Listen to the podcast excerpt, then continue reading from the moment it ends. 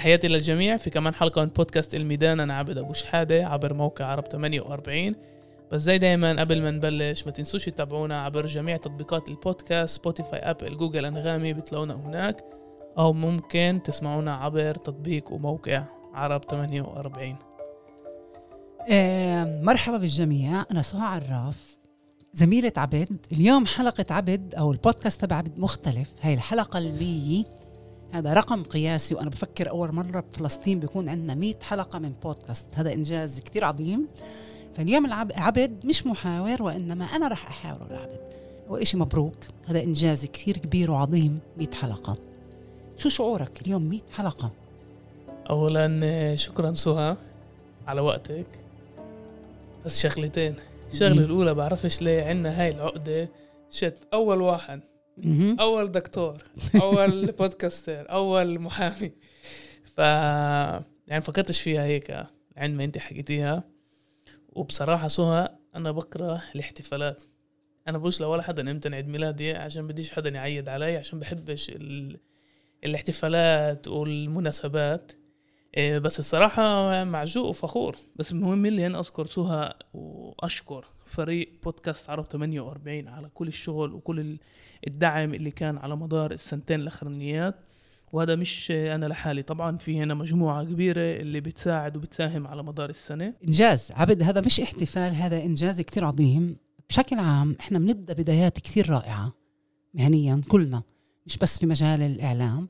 حتى مطعم فتح جديد بيبدأ بداية wow بجنن. الأكل تبعه ال service بجنن. نتف صغيرة ولا متراجعين إنك تكمل 100 حلقة هذا إنجاز.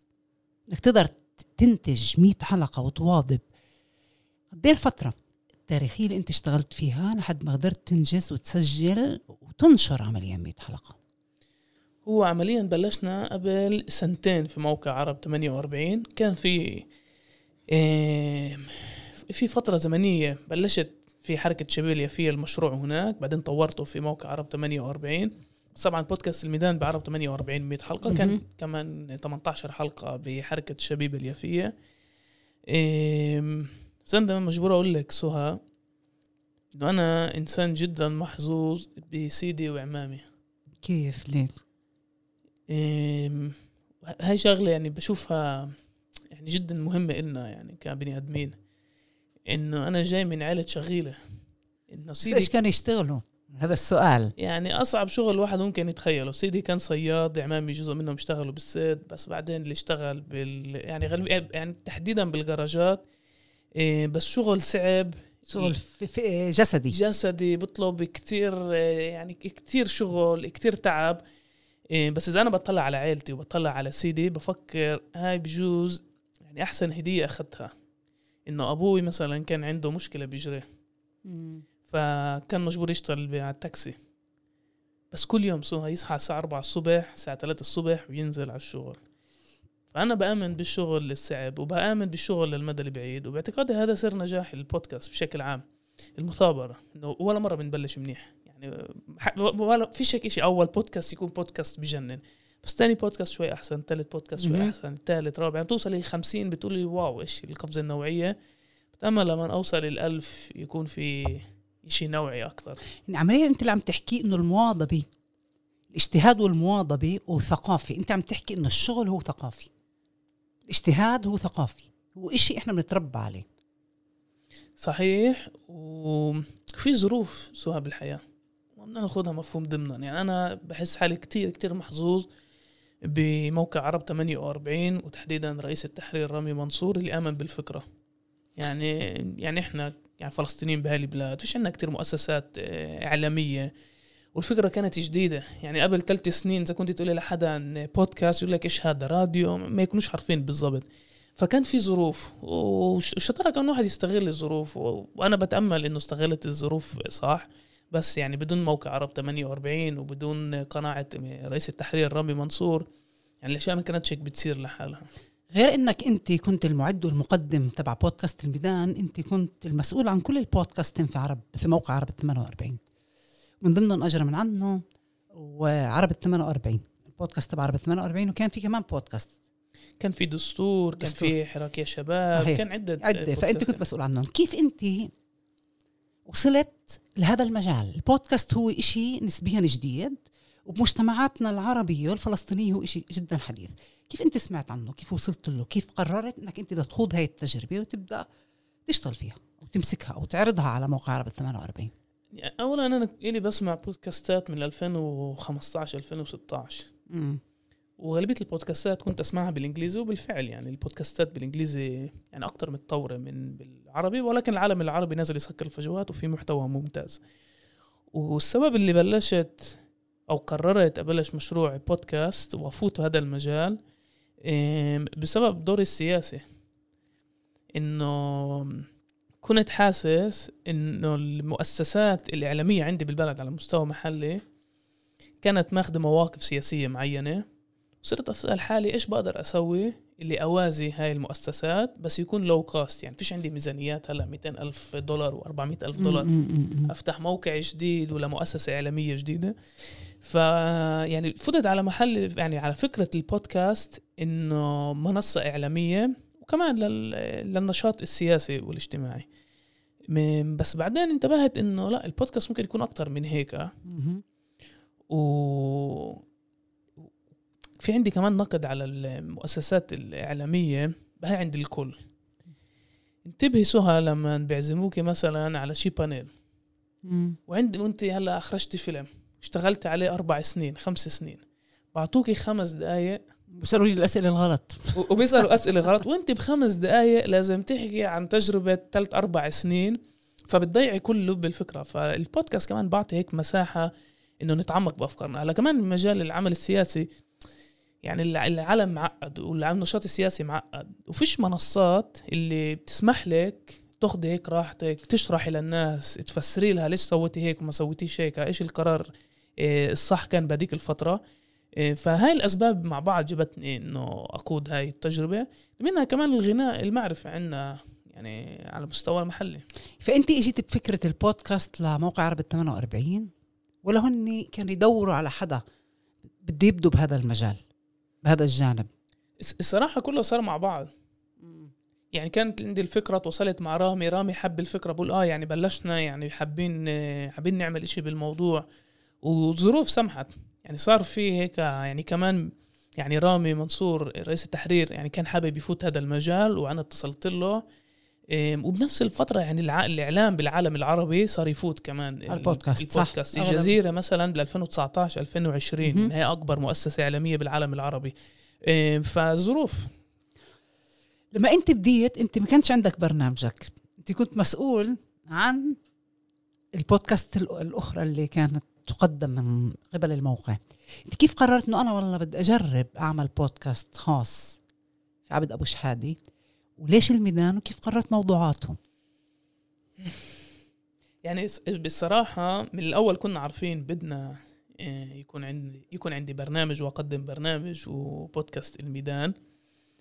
هوية البرنامج إجت من محل حب المعرفة بس هاي إلها علاقة كمان في تجربتي على الصعيد الشخصي. زي ما حكيت لك الحياة حظ فأنا كمان كتير محظوظ بطفولتي وبعيلتي. وأنا ربيت بواقع في عالم موازي. يعني ربيت بحي العجمي بالتسعينات وسنوات. الألفين بيافا. بس أبوي كان له كتير مهم يبعتني على مدرسة تابعة للكنيسة البروتستانت اسمها طبيطة مدرسة أهلية. ولاد صفرة ونخب بس كنت أكتر ولد مشاغب بالمدرسة لعند ما طاحوني ف كنت أشوف العالم بطريقة شوي أكتر مركبة. وأصحابي كانوا كتير منوعين. وكنت أستاء من كيف الناس بتسطح الأمور وبتسطح ال- المعرفة نفسها. فاللي بيتابع مثلا بودكاست الميدان راح تصير يعني ممكن تشوفي ناس جايين من عالم الجريمة. ممكن صحيح. تشوفي بروفيسورية من الجامعة. وممكن تشوفي ناس عادية وممكن تشوفي مواضيع هيك جدا متنوعة بس هاي من رغبتي بح- بحب المعرفة وتعقيد الأمور. أنا بحبش تبسيط الأمور. وبرأيي مجتمعنا جدا متنوع وفيه كثير أشياء ويعني هاي فرصة للتنويع. انت بتفكر هاي تعقيد الأمور ولا عرض واقع بتنوعاته بتناقضاته إحنا مجتمع كثير متناقض. أنا سواء بحب التناقضات. أنا أكتر ناس بتخوفني الناس اللي فيش فيها فيش فيها تناقضات. هاي اللي عندها حلول لكل إشي؟ أنا بفكر لا يعني الحياة يعني إحنا بنتغير بنكبر بنغير آرائنا. يعني أنا بدون أدنى شك بعد ما تجوزت وخلفت وجتني بنت أنا كبني آدم اتغيرت إيش طير فيك؟ ال- الأبوة شو عملت لك؟ أصعب شيء وأحلى شيء بالحياة. ليه؟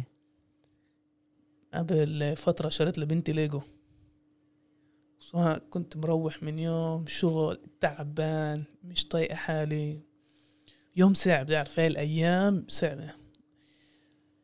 وبفتح الباب بفوت على الظهر بنتي بالحفاضة تطلع علي. بابا بابا ليجو ليجو كنت شاري لها ليجو قبل بيوم وكانت تستناني بداش تنام لعند ما نلعب بالليجو. وباللحظة يعني لعبنا نص ساعة ساعة زمان بالليجو. أحلى نص ساعة من ناحيتي بحياتي. ليش؟ شو صار فيها هاي النص ساعة؟ يعني بهاي النص ساعة فهمتني معنى ليش أنا بسوي أنا ليه بسوي اللي بسوي؟ ليه بتعب؟ ليه بشتغل؟ ليه؟ شو فهمت إنه في إشي في معنى إضافي من آه، الخلفة ومن الحياة العيلة والتجارب اللي إحنا بنمرقها. ولما بنتي بتنبسط لما تشوفني مجرد مجرد ابتسمت تمام؟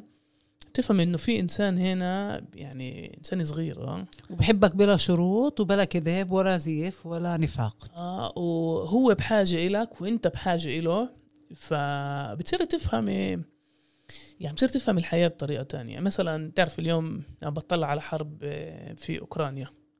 أنا بنضغط أنا ومش قادر أفهم أصحابي اللي مش مخلفين ليه مش مضغوطين؟ أنا بكون مية يعني مضغوط.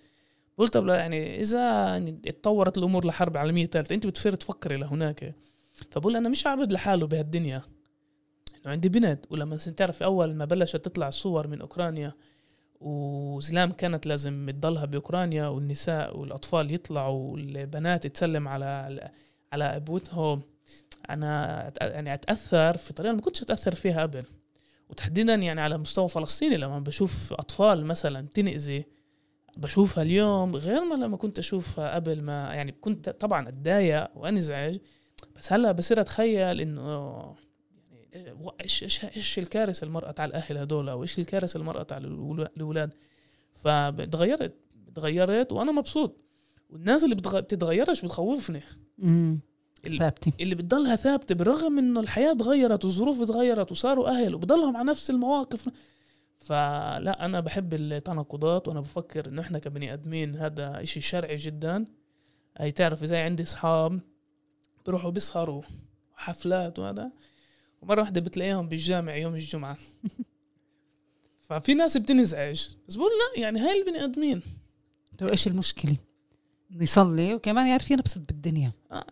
ب- بس إحنا هيك كبني آدمين بكتير أمور. فينا تناقضات ونحن نعترف إنه في عنا تناقضات. وبنتغير وتمام مش عبد اختيارك للميدان كلمة ميدان الميدان. عن جد أنت بالميدان أنت عم بتجيب التنوع تبع المجتمع الفلسطيني بكافة شرائحه.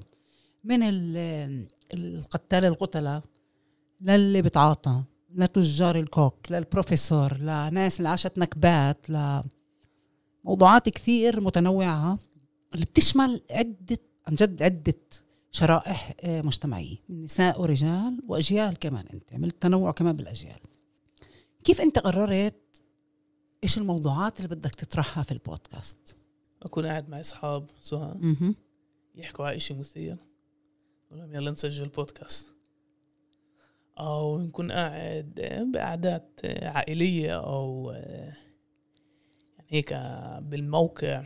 وحدا يحكي عن شيء ظاهرة اجتماعية. أقول آه بدي أسجل بودكاست على هذا الموضوع. كيف كنت تلاقي الشخص الملائم؟ يعني أنت جبت ناس اللي كثير صعب الواحد يصلها. زي حدا اللي كان بالجريمة زي حدا اللي كان تاجر مخدرات. هذا مش إشي مفهوم ضمنا إنه تجيب هيك ناس وتعمل وتسجل معهم حوارات. بال BA كان عندي course anthropology أها. فبفوت علوم إنسانية أنثروبولوجيا فبفوت المحاضر وبقولنا يعني بدي أدلكم سر على البني آدمين. البني آدمين بتحب تحكي قصتها. فتلاقي الموضوع صعب. تلاقي شخص يحكي عن حاله هذا السهل. الناس بتحب. زي ما أنا كمان بحب. وبتخيل أنت كمان تحبي تحكي إيش أنت شفتي أو إيش أنت مرقتي وتجربتك. فيعني هاي هذا الإشي السهل. وأروح للناس. سمعت أنت بتعمل هيك هيك؟ كانوا بسهولة يتجاوبوا؟ إيه آه. في موضوعات أنا بحس إنه عندنا عليها طابو. آه, آه. لا بيحكوا. بيحكوا و... وخلال الحديث بيسمحوا لحالهم أكثر من إيش ما فكروا بدهم. مم. بس كيف يعني هذا التنوع اللي أنت عم تعمله بس من خلال حكيك مع أصحابك؟ هيك بتجيب موضوعاتك؟ من كل محل يعني أفتح الم- الموقع شوف خبر يعني أوكي هذا مثير للخبر. اعطينا أشوف إيش ممكن أسوي بهذا بهذا الموضوع. إيه، أشوف إيه، يعني مرات هيك يعني بدون ما يخطر ببالي. إنه في إشي هذا ويلا تعال نعمل. إذا في حلقات أو ناس إحنا لما نقابلهم بأثروا فينا بتركوا بصمه كل الحلقات مهمة بلا شك بس في حلقات لها وقع خاص عنا إحنا. عندك أنت. شو الحلقات اللي أثرت فيك؟ إيش الموضوعات؟ مش أسماء أشخاص إيش الموضوعات اللي أنت طرحتها؟ وضيوفك هل قد تركوا عندك أثر؟ أنا باعتقادي سهى يعني كل حلقة على اللي خلتني أفكر وأثر كل الحلقات أثروا علي بطرق تانية يعني. مختلفة بس إذا في إشي عن جد أثر فيه وهذا زي بارادايم شيفت عمل عندي كنت مسجل حلقة مع تاجر مخدرات وكنت مسجل حلقة مع شاب يعني هو زلمه كبير اليوم اللي كان يتعاطى مخدرات. وللتنين يعني كان في جواب لنفس السؤال لما سألتهم ليش بطلتوا؟ ليش بطلت مهم. بالمخدرات والتاني ليه بطلت تتعاطى مخدرات؟ كان عندهم نفس الجواب سوا. اللي هو إيش؟ إيه، عشان الأهل. عشان أهلا آه. وعشان يعني واحد قال عشان أبوه التاني عشان عشان أمه. وهذا خلاني أفكر على أهمية الحب والحنان بالبيت. يعني هذا غير فيي إشي إنه قد إيش مهم إنه وصرت أعمل تعرفي يعني أسأل حالي أنا عبد يعني إيش جابني إنه أخذ طريق معين بالحياة لما أصحابي كلهم أخذوا طريق تاني؟ هاي إحسن بدنا نحكي عنها هاي إحنا هسه نخلص البودكاست نيجي لقصتك الشخصية. بس يعني بعدين براجع حالي بقول دائما كان عندي حب وحنان. وأنا مرة كنت بدي أزعل أهلي. قديش كنت أشاغب قديش كنت أعمل بس بالأشياء الحاسمة يعني كان لي مهم إنه يكونوا فخورين فيي ويكونوا مبسوطين مني. فهاي الحلقتين هدول أعطوني خلوني أفكر للعمق قديش مهم الحب البيت والدفى. وأثر علي كمان كأبو يعني.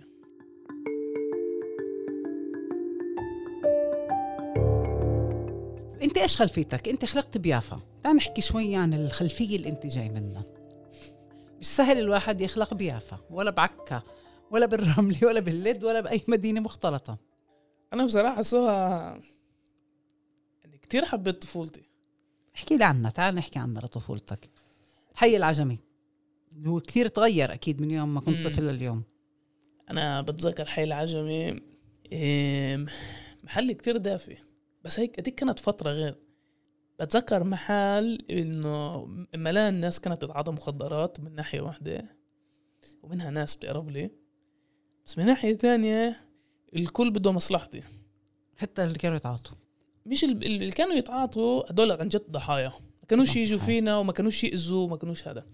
بس مرات الواحد يلاقي حاله بالذات بجيل المراهقة قاعدة بين الناس اللي يعني مجرمين بكل معنى الكلمة. سهى إنه اليوم أنا بخاف أقول إنه كنت قاعد بهاي القعدات بس بالنسبة لك كان هذا وضع عادي لا؟ كان وضع عادي. وبالنسبة إلهم إنه عبد ولد منيح من عيلة منيحة وبدناش نخربه.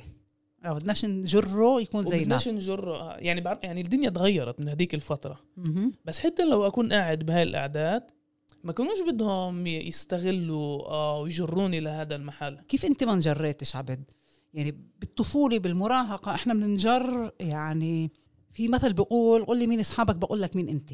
لما أنت كنت بهيك أجواء كيف هالأجواء ما أثرتش عليك؟ بدك تجرب. إيه بفكر الجواب يعني هو يعني صرت حكي إنه كان في دائما حب في البيت وبديش ازعل أهلي إيه بس الأهم من هيك إنه ما كنتش أدور على حب محل تاني.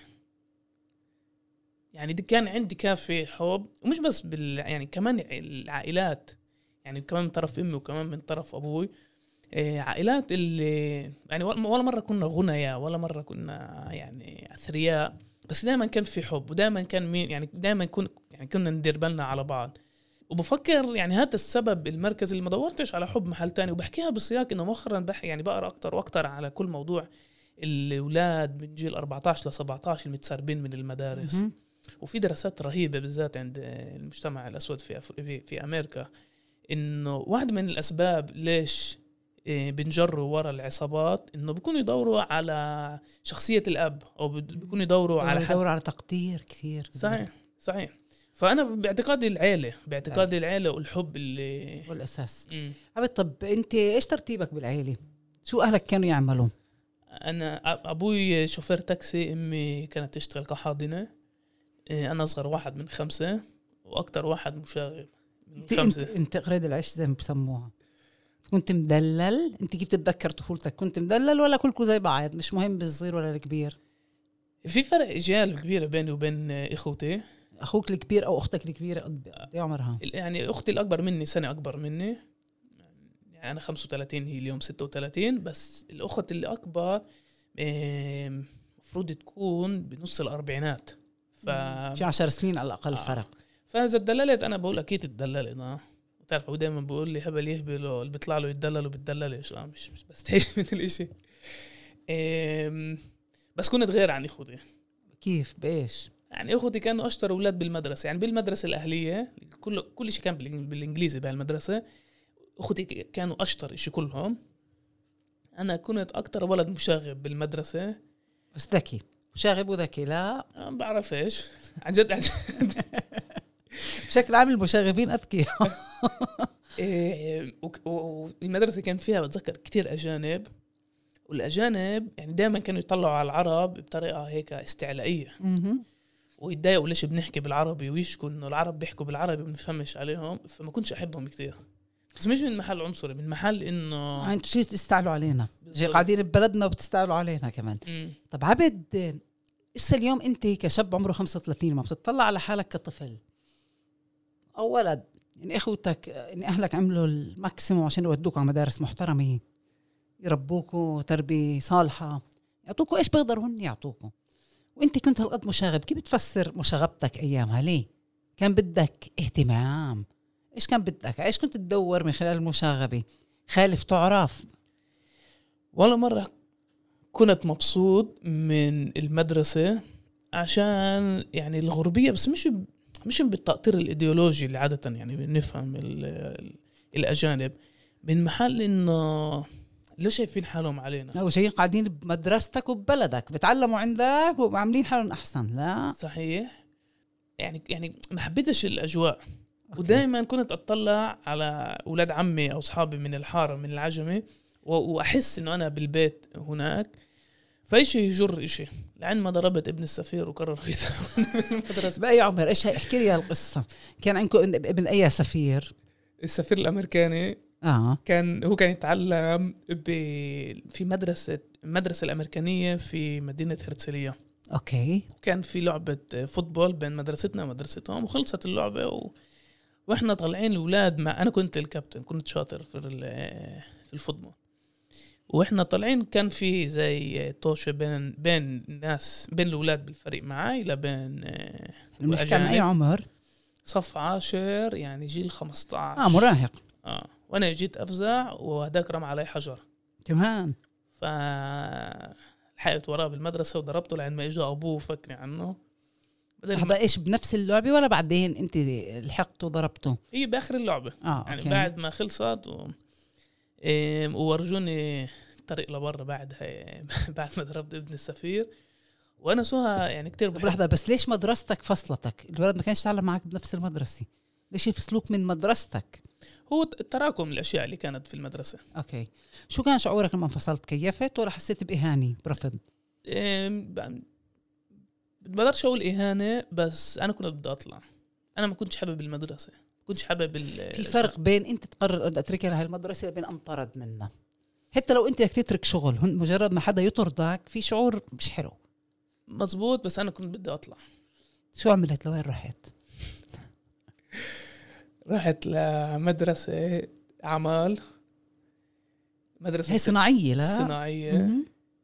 و يعني بضبيطة هي مدرسة النخب. مدرسه عمال صناعيه المدرسة الصناعية. بشكل عام آه، كانت تعتبر كانت الأفكار المسبقة عن اعمال للأولاد الفاشلين. متاسفه احكي هاي الكلمة بس هيك كانت سمعتها. إيه، إحنا بعرفش إذا كنت بستعمل كلمة فاشلين بس إيه، سمعتها هيك. عم بحكي أنا إنه مش شرط إنه هيك. بس كانت ما كان كانت تجربة غريبة. سو هذا زي ما عن جد صعب الواحد يوصف كيف كنت يعني كيف كانت ضبيطة. وتاني سنة أروح على المدرسة الصناعية.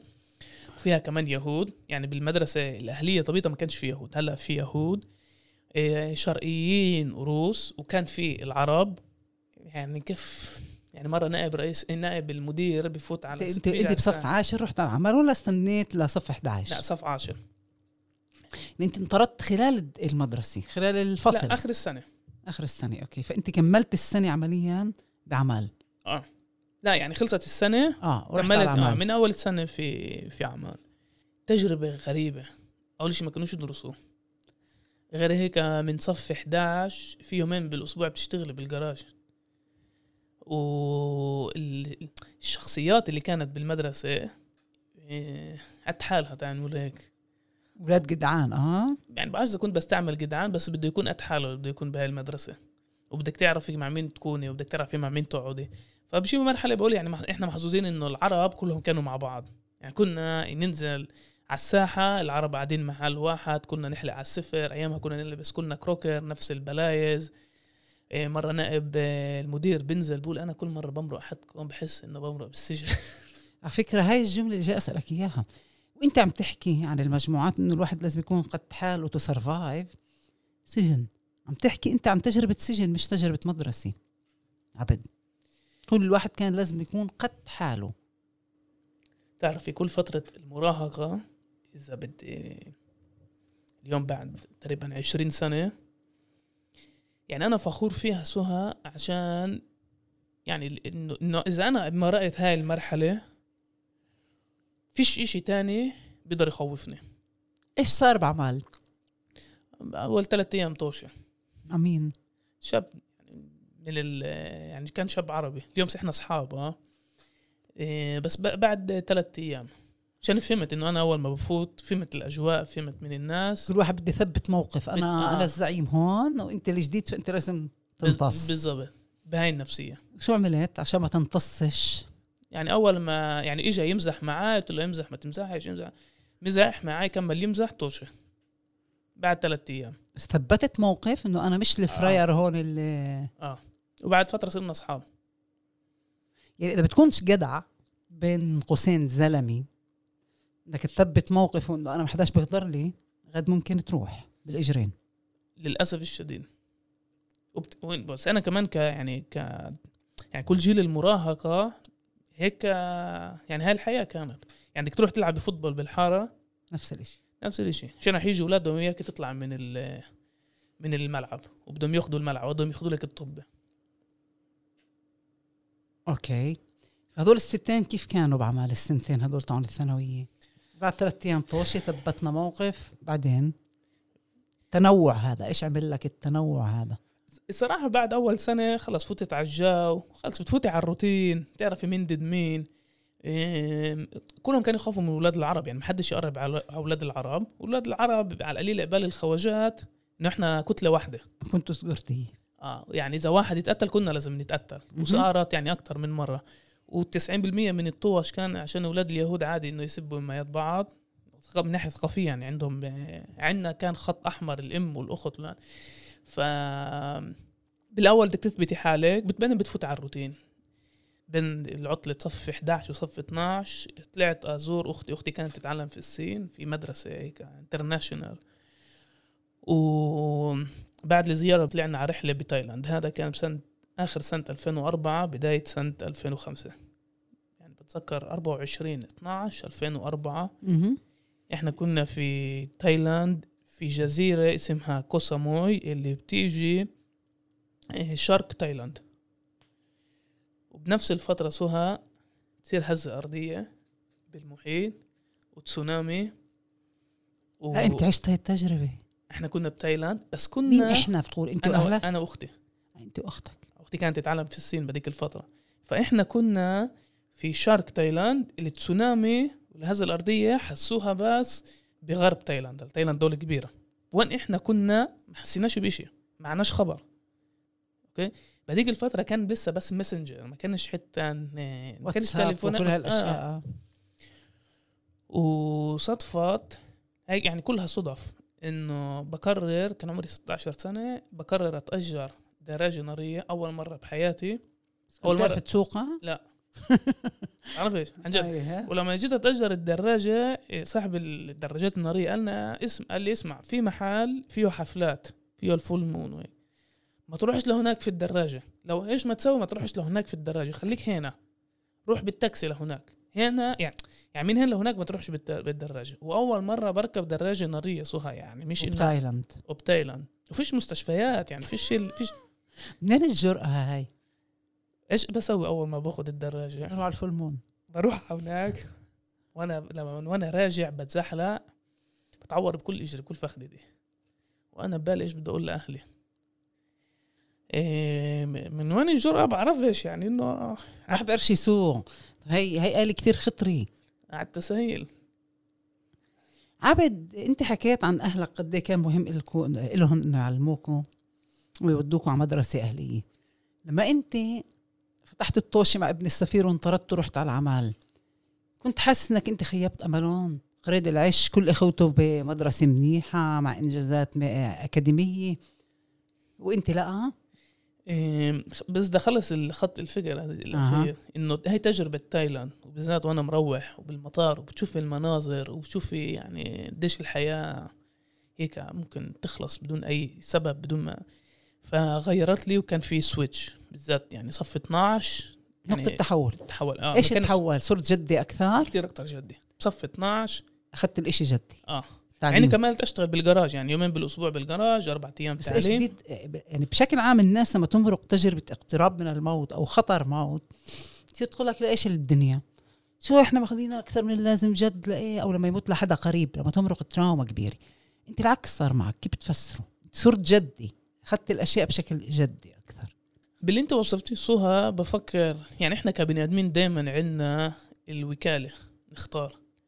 ف يعني بنمرق تجارب صعبة يا ان يا إنه نوصل للاستنتاج اللي أنت ذكرتيه هلا إنه بصير هيك حالة يأس وبؤس من الحياة يا إنه بنقول لا بدنا نتحدى. ولا بدنا إشي أحسن وب- وبنقدر. شو بصف 12 عملت؟ صرت تدرس صرت أكثر اجتهاد أقل مشاكل إيش عملت؟ 180 درجة. أكتر اجتهاد أكتر جدي. ويعني حتى قلت لحالي يعني ما كنتش مبسوط إنه مدرسة صناعية وما ما خلصتش مع بقروت كمان. بس قلت يعني تعرف وإيش إذا أنا هنا بدي أعمل الماكسيموم. وكملت صف 12 13 صف 12 13 14 ل شو 13 و14 هاي؟ إحنا بنعرف صف 12 لا في إمكانية طل- الصناعية 13 14 لما يسمى يعني زي دبلومة تخصص بموضوع. دبلومة يعني هي مش بالضبط هندسة بس زي دبلومة لل... للجراج. آه تقنيات تقنيات تقنيه آه وخلصت 13 و14 كمان. بامتياز. وكنت رايح هذا الم- المسار في الحياة إيش عش... تفتح كراج أو بدك تشتغل بكراج؟ كنت كنت أشتغل. اشتغلت من جيل 20 ل 25 كل يوم الصبح. من الساعة أطلع من الدار من الساعة 7 للساعة 5 بالجراج بلشت من تكنيس الجراج يعني هاي برجعنا للبودكاست. آه نفس الإشي. مثابرة. كنت أكنس. كنت. أغي... كنت انبسط لما يعطوني أفك عجل وأغير بريكات بعد آه، سنتين صرت مسؤول على ال diagnostic بالجراج شو يعني؟ اشرح لنا هالمصطلحات. يعني يعني هاي الفترة يعني قبل بالذات قبل 15 سنة الحوس... السيارات صار يفوت فيها أكتر وأكتر حواسيب صار. بدك ناس تقنيين بيعرفوا إنجليزي وبيعرفوا. يشتغلوا. فمن ناحية واحدة كنت أعرف أشتغل يعني كمان كمان كان هيك بس كان عندي إنجليزي على مستوى عالي.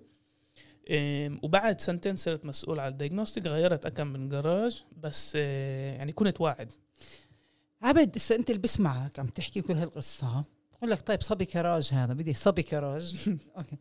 طور حاله بعدين بالكراج. طب منين هاي الثقافة؟ يعني في كأنك أنت انت stereotype انت افكار مسبقة عن حدا بيشتغل بكراج أو عن حدا مع هاي الخلفية اللي عم تحكي عنها. كيف أنت ثقفت حالك؟ أنت بنفس الوقت كنت تقرأ اولا سهى أنا يعني دائما كنت أحب أقرأ. وغالبية المكاتب والكتب اللي كانت متاحة كمان عشان تعلمت بمدرسه اللي بتعلم بالإنجليزي كانت كلها بالإنجليزي. كنت كثير أحب ال post colonial studies فرانز فانون البير ميمي كل ال post modern theories ميشيل فوكو ديريدا والحوار الرائع اللي كان بين آه، فوكو ميشيل فوكو ونعوم خومسكي يعني كنت أروح من الجراج أحط الحوار المشهور بيناتهم. كنت أجي على الجراج وكانوا العمال اللي كانوا يشتغلوا معي يفكروني مجنون. يقولوا مين هذا بس الأهم من هيك سهى بآمن إنه إحنا نتيجة أجدادنا. إحنا على الصعيد الشخصي مين أنا؟ هي مش شرط بس نتيجة مين أهلي كمان آه، أجدادنا. وسيدي إنسان جدا جدا مثقف وكان عنده أدوار اجتماعية جدا مهمة بيافا. ومرق يعني النكبة ومرق تجارب كتير صعبة بعد النكبة واشتغل كصياد بس كان مثقف. يعني كنت أجيب له كتاب على الساعة عشرة بالليل يبلش يقرأ يخلصوا على الساعة ستة الصبح يروح ينام. يا الله. آه يعني لا يعني على يعني مستوى تاني من يعني هو توفى بجيل 92 بس اسأليه على شي كتاب آه، اللي قرأه بجيل 40 بتذكر أحاديث نبوية فلسفة اللي بدك إياه بتذكر. فأنا بفكر يعني إنه لما بتربي أنت بهيك أجواء يعني بيأثر عليك كمان مش بس على مستوى ثقافي كمان على مستوى سياسي مهم. يعني بطلع على عائلتي إنه إحنا عائله وطنية بالفطرة مهم. يعني حتى لو فيش لكل أفراد عائلتي اللغة السياسية بس تشرش فينا من ناحية واحدة من سيدي يعني هاي المواقف وهاي المبادئ ومن ناحية تانية ستاتي يعني أحسن ستات في العالم. أنا بعرف كل واحد بفكر إنه سته أحسن ست. بس ليه بتحكي عنهم أحسن بستات إيش اللي كانوا يعملوه؟ شو اللي كان فيه مميز جداتك؟ سيدي مثلا أبو أبوي كان في اللجان اللي تشكلت بيافا بالخمسينات والستينات تراعي الناس اللي ضلت بعد النكبة اللي ضاعت وهيك. بس لعند يعني لعند سنوات التسعينات هذا كان عادي إشي عادي انه في البيت. سيدي يجيب ناس غريبة يسكنها عندها بالبيت. وستة بالها عليهم. بنعرفهاش لاجئين إحنا عم نحكي عن مش لاجئين شرط. إلا مين مش الناس شرط. الغريبة؟ ممكن مثلا يعني في قصص عن جد عجيبة وغريبة. إم، الشؤون الاجتماعية يكونوا ملاقيين صبية عربية بمنطقة تل أبيب. الأغلب بتكون هاربة من بيتها من الشمال من الشمال أو من الجنوب. بيعرفوش إيش يسووا فيها. يتصلوا على سيدي. سيدك يستقبلها. يربيها. في واحدة عاشت عندنا سنتين. شو بعدين صار فيها؟ لعند ما لقوا عيلتها. وبعدين يعني كان في قصص إنه كيف يعني سيدي ما يقبلش يرجع هيك. يعني تقعد تنقل أو هيك ها؟ فكان يحط شروط وكان يراعي وكان يسأل ويعني هيك قصص غريبة. يعني سيدي لقى حاله بشي قرية مع زلام كلها مسلحة بدها البنت وما يقبلش يقول لهم وين البنت لعند ما ياخذ يعني وعودات من المختار شت القرية هاي إنه هاي البنت بتعيش سليمة يعني وبترجع بشروطها.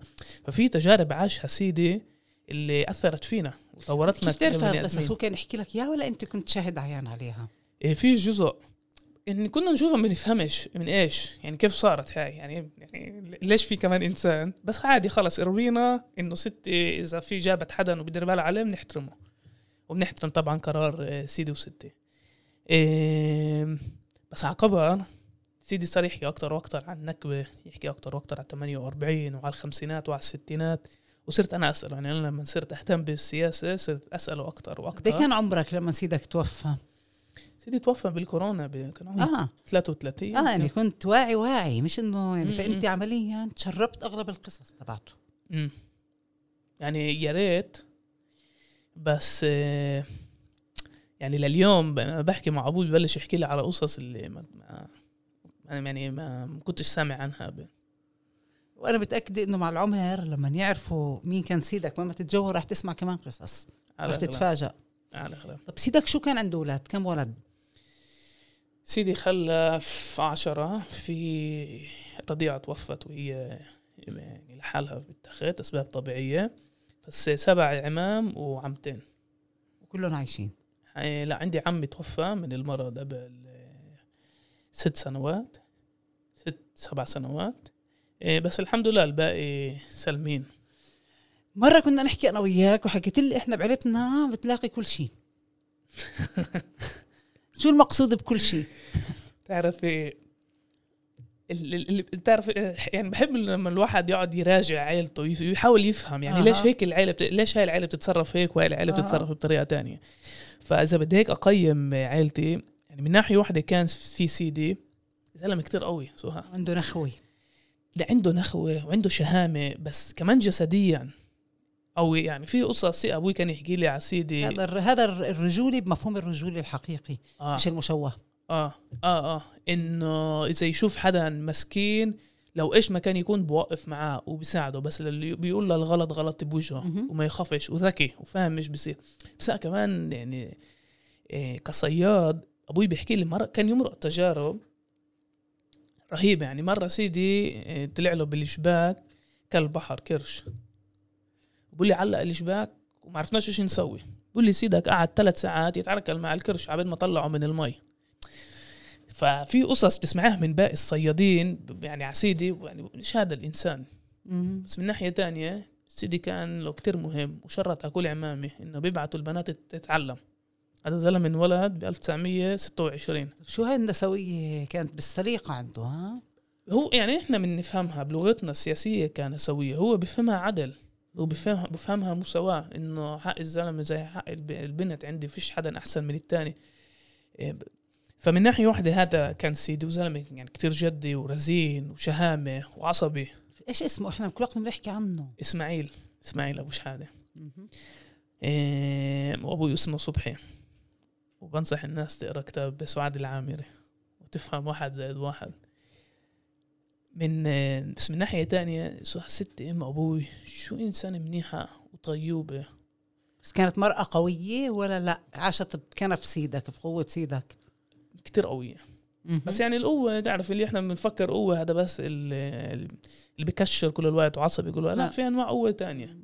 إنه قدرت تمرق النكبة قدرت تمرق تربي أولاد بحي العجمي أكتر حي خطير في الداخل بهذيك صحيح. الفترة بالخمسينات والستينات والحمد لله كل أولادها شغيلة وناس مناح وعندها أحفاد. هاي برأيي كمان آه، نوع من قوة. قوة كثير كبيرة. فشخصيات عمامي وعيلتي هيك من ناحية واحدة شهامة ورزانة وناس مناح وكل وقت بطقسوا وبمزح. كمان كتير مناح وبحبوا يساعدوا. إيه، بس كمان يعني ربيت ب يعني بعيلة إنه ولا حدا باخذ حقك. وعمامي يعني أنا مش هذا بنعد بدعس لك على طرفها ها آه يعني أنا بنعد صغير نسب- نسبيا لعمامي إنه ما حدش بدعس بدعس على على كرامتنا وإحنا بدنا الحق بدنا شيء غير الحق. ولما كان في طوشة يكون في طوشة الكل لازم يجي والكل لازم يشارك. ومينفعش تقعد آه، تتطلع وتتنظر من آه، من الناحية. وإذا عبد عنده مشكلة كلنا عندنا مشكلة. وبدناش نكبر المشكلة بدنا نسكر المشكلة بدنا نوصل لحل عادل. فإذا بنتقتل مع حدا ونتصالح بنصير أحسن أصحاب معه. ف فكر أنا محظوظ يعني. عابد اسا هذا جابني لموضوع ال boxing تبعك. يعني يعني مبين إنه out of blue بس لا أنا بفكر إنه في علاقة. ليه كان مهم لك تروح تتعلم ملاكمة وتعمل تطوير لهذا الجسم وتشارك بمباريات. هذا اجى من غايه من الطشاط هي تبعت الحارة أولاد الحارة كيف بدي ادير بالي على حالي؟ أكيد لا. أجي أنا بتدرب من جيل 17 كثير أنواع يعني من حمل اثقال رماحة على ليه؟ ليه؟ ليه؟ ليه؟ ليه؟ كان مهم لك القوة الجسدية. اوجي اوجي اكون كثير ناصح لعند جيل 16 بعدين ضعفت بسبب الرياضة. ويعني إذا بدي اراجع حالي أكيد يعني في عقد نفسية مخبي إنه بديش أكون آه، ناصح. بس مع الوقت أنا بشوفه ك كاحسن دواء بالعالم يعني كنا مدمنين لإشي.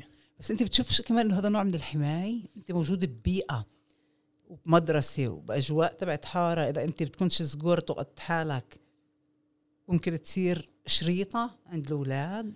آم، وياكلوا لك حقك؟ هي نوع من المحافظة على حالي إذا أنا ببث قوة جسدية حتى لو ما استعملتهاش. مش بس. يعني يعني أنا أنا لليوم بآمن إنه إحنا كبني آدمين مش بس الزلام لازم نكون قوايا. جسديا لازم نكون قوايا. وفي كذبة الحداثة إنه كأنه بطل في حاجة للقوة. أنا بفكر إنه هذا غير إيش صحيح. حاجتنا للقوه عبد اليوم؟ كل إشي. يعني تعرف إيش؟ يعني إيش بصير لما إيش بصير لنا إحنا كبني آدمين لما نكبر بالجيل؟ ختاير إيش بصير لهم؟ بضيعوا قوتهم. بس إذا بتضلك تلعبي رياضة وتضلك تحافظي على صحتك وبتحملي تقيل إيه، بتعود جسمك إنه هذا هاي الحالة الطبيعيه إنه نحافظ على القوة اللي موجوده الموجوده عندنا إحنا بحاجة لقوة لكل شيء. يعني بالمطار بدي يعني أنا بديش حدا يحمل لي الشنطة. ولما دعت الإشي على الدار بديش حدا يجي يساعدني. وبتخيل كمان إن يعني مش بس مش كان كزلمة يعني كمان نساء بنفس النفس إنه يعني هذا إشي مهم ومهم يكون وجزء منه كمان نعرف ندافع عن حالنا. وجزء منه كمان إنه إحنا بنتصرف غير لما بنشوف ناس اللي صحتها معها وبنفكر مرتين إذا بدنا ندعس على طرفها ولا لا. لا هذا كمان يعني إشي موجود يعني مش يعني بلغيهوش.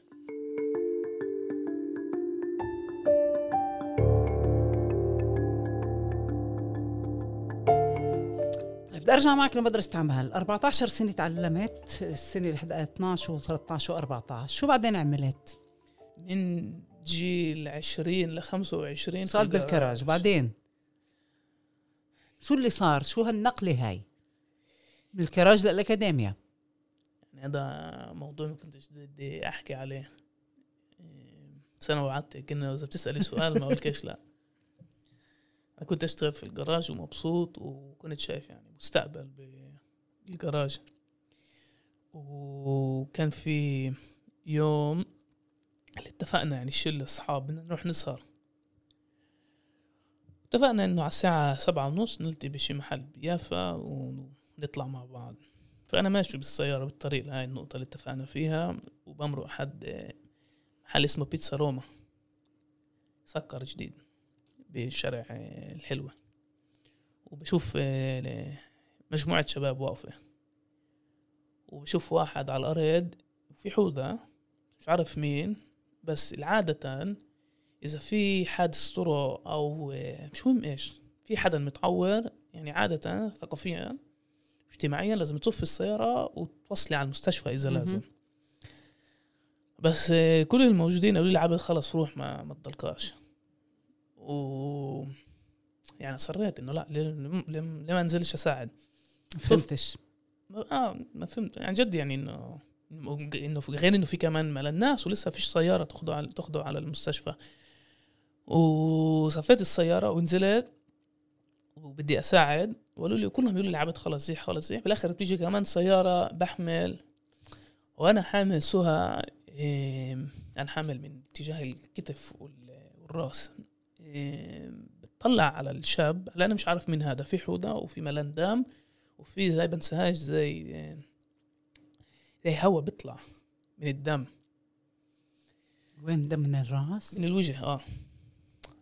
بديش أحكي وفي يعني هيك فقاعات. آه وأنا هيك بديش بديش أحكيها بس. بقول يعني بيني وبين حالي يعني شاب نازل يموت. بس بديش أحكي إنه بلاش بين عمه وأخوه شيء يعني تخيلي. فساعد نحطه بالسيارة والسيارة بتضل هذيك طايرة بتروح لاتجاه المستشفى. وبنساش يعني اجري ضله بريت الشباك. هيك يعني مشهد ضله بالي. وأنا لسه مش فاهم مش من هذا وكل دم. بسأل الشباب الشباب هناك بيعرفوني ومتلبلكين يعني إنه إيش جاب عبد ولا إيش نقول له؟ ولا بيقولوا لي عبد يعني وبالآخر واحد بيقول لي عبد يعني هذا قريبك مراد و هلا يعني راح يلحقهم يلحقهم على المستشفى يعني إذا بدك تشوف. ورحت على المشفى والدراجة كانت دراجته ضلتها على الأرض دراجة نارية. بس لما وصلت المشفى يعني عملت تليفونات. اتصلت لأولاد خالتي اتصلت لأصحابي لهم هيك هيك تعالوا على المشفى. لما وصلنا إيه، بدنا نطلعه من السيارة. تفهم إنه بتطلع جد مات. هو كان مطخوخ؟ كنتش عارف. كنتش عارف. هلا بتصير تصرخي وين الدكاترة؟ ويلا وتعالوا. هذا بيجي الدكتور بقول يو بس لحد هلا أنا مفكر؟ إنه عمل حادث طرق يعني. وبتصير يعني إيش بدنا نسوي؟ بيجوا. وعمطور كان. آه. يعني يعني بتيجي تلم ملان شباب و... والآخر بيجوا ولاد خالتي بنت خالتي اللي يعني يعني ولاد خالتي زي إخوتي يعني دائما كنت أتعامل معهم. وإذا في مشكلة هم دائما يحلوا لي إياها. فبيجي بيطلع بين خالتي بيقولوا لي طيب عبد يعني مراد انت سبع سبع طلقات براسه ما ما تضلكمش هنا خلص روحوا. هلا ليش؟ بيقولوا لك تروحوا. تروحي ما تضلكيش. عادة اللي بيطوخ بيبعت حدا على المستشفى يسمعوا مين بده يحكي مين متأثر مين زعلان مين بهت يعرفوا مع مين عندهم حساب بعدين. ف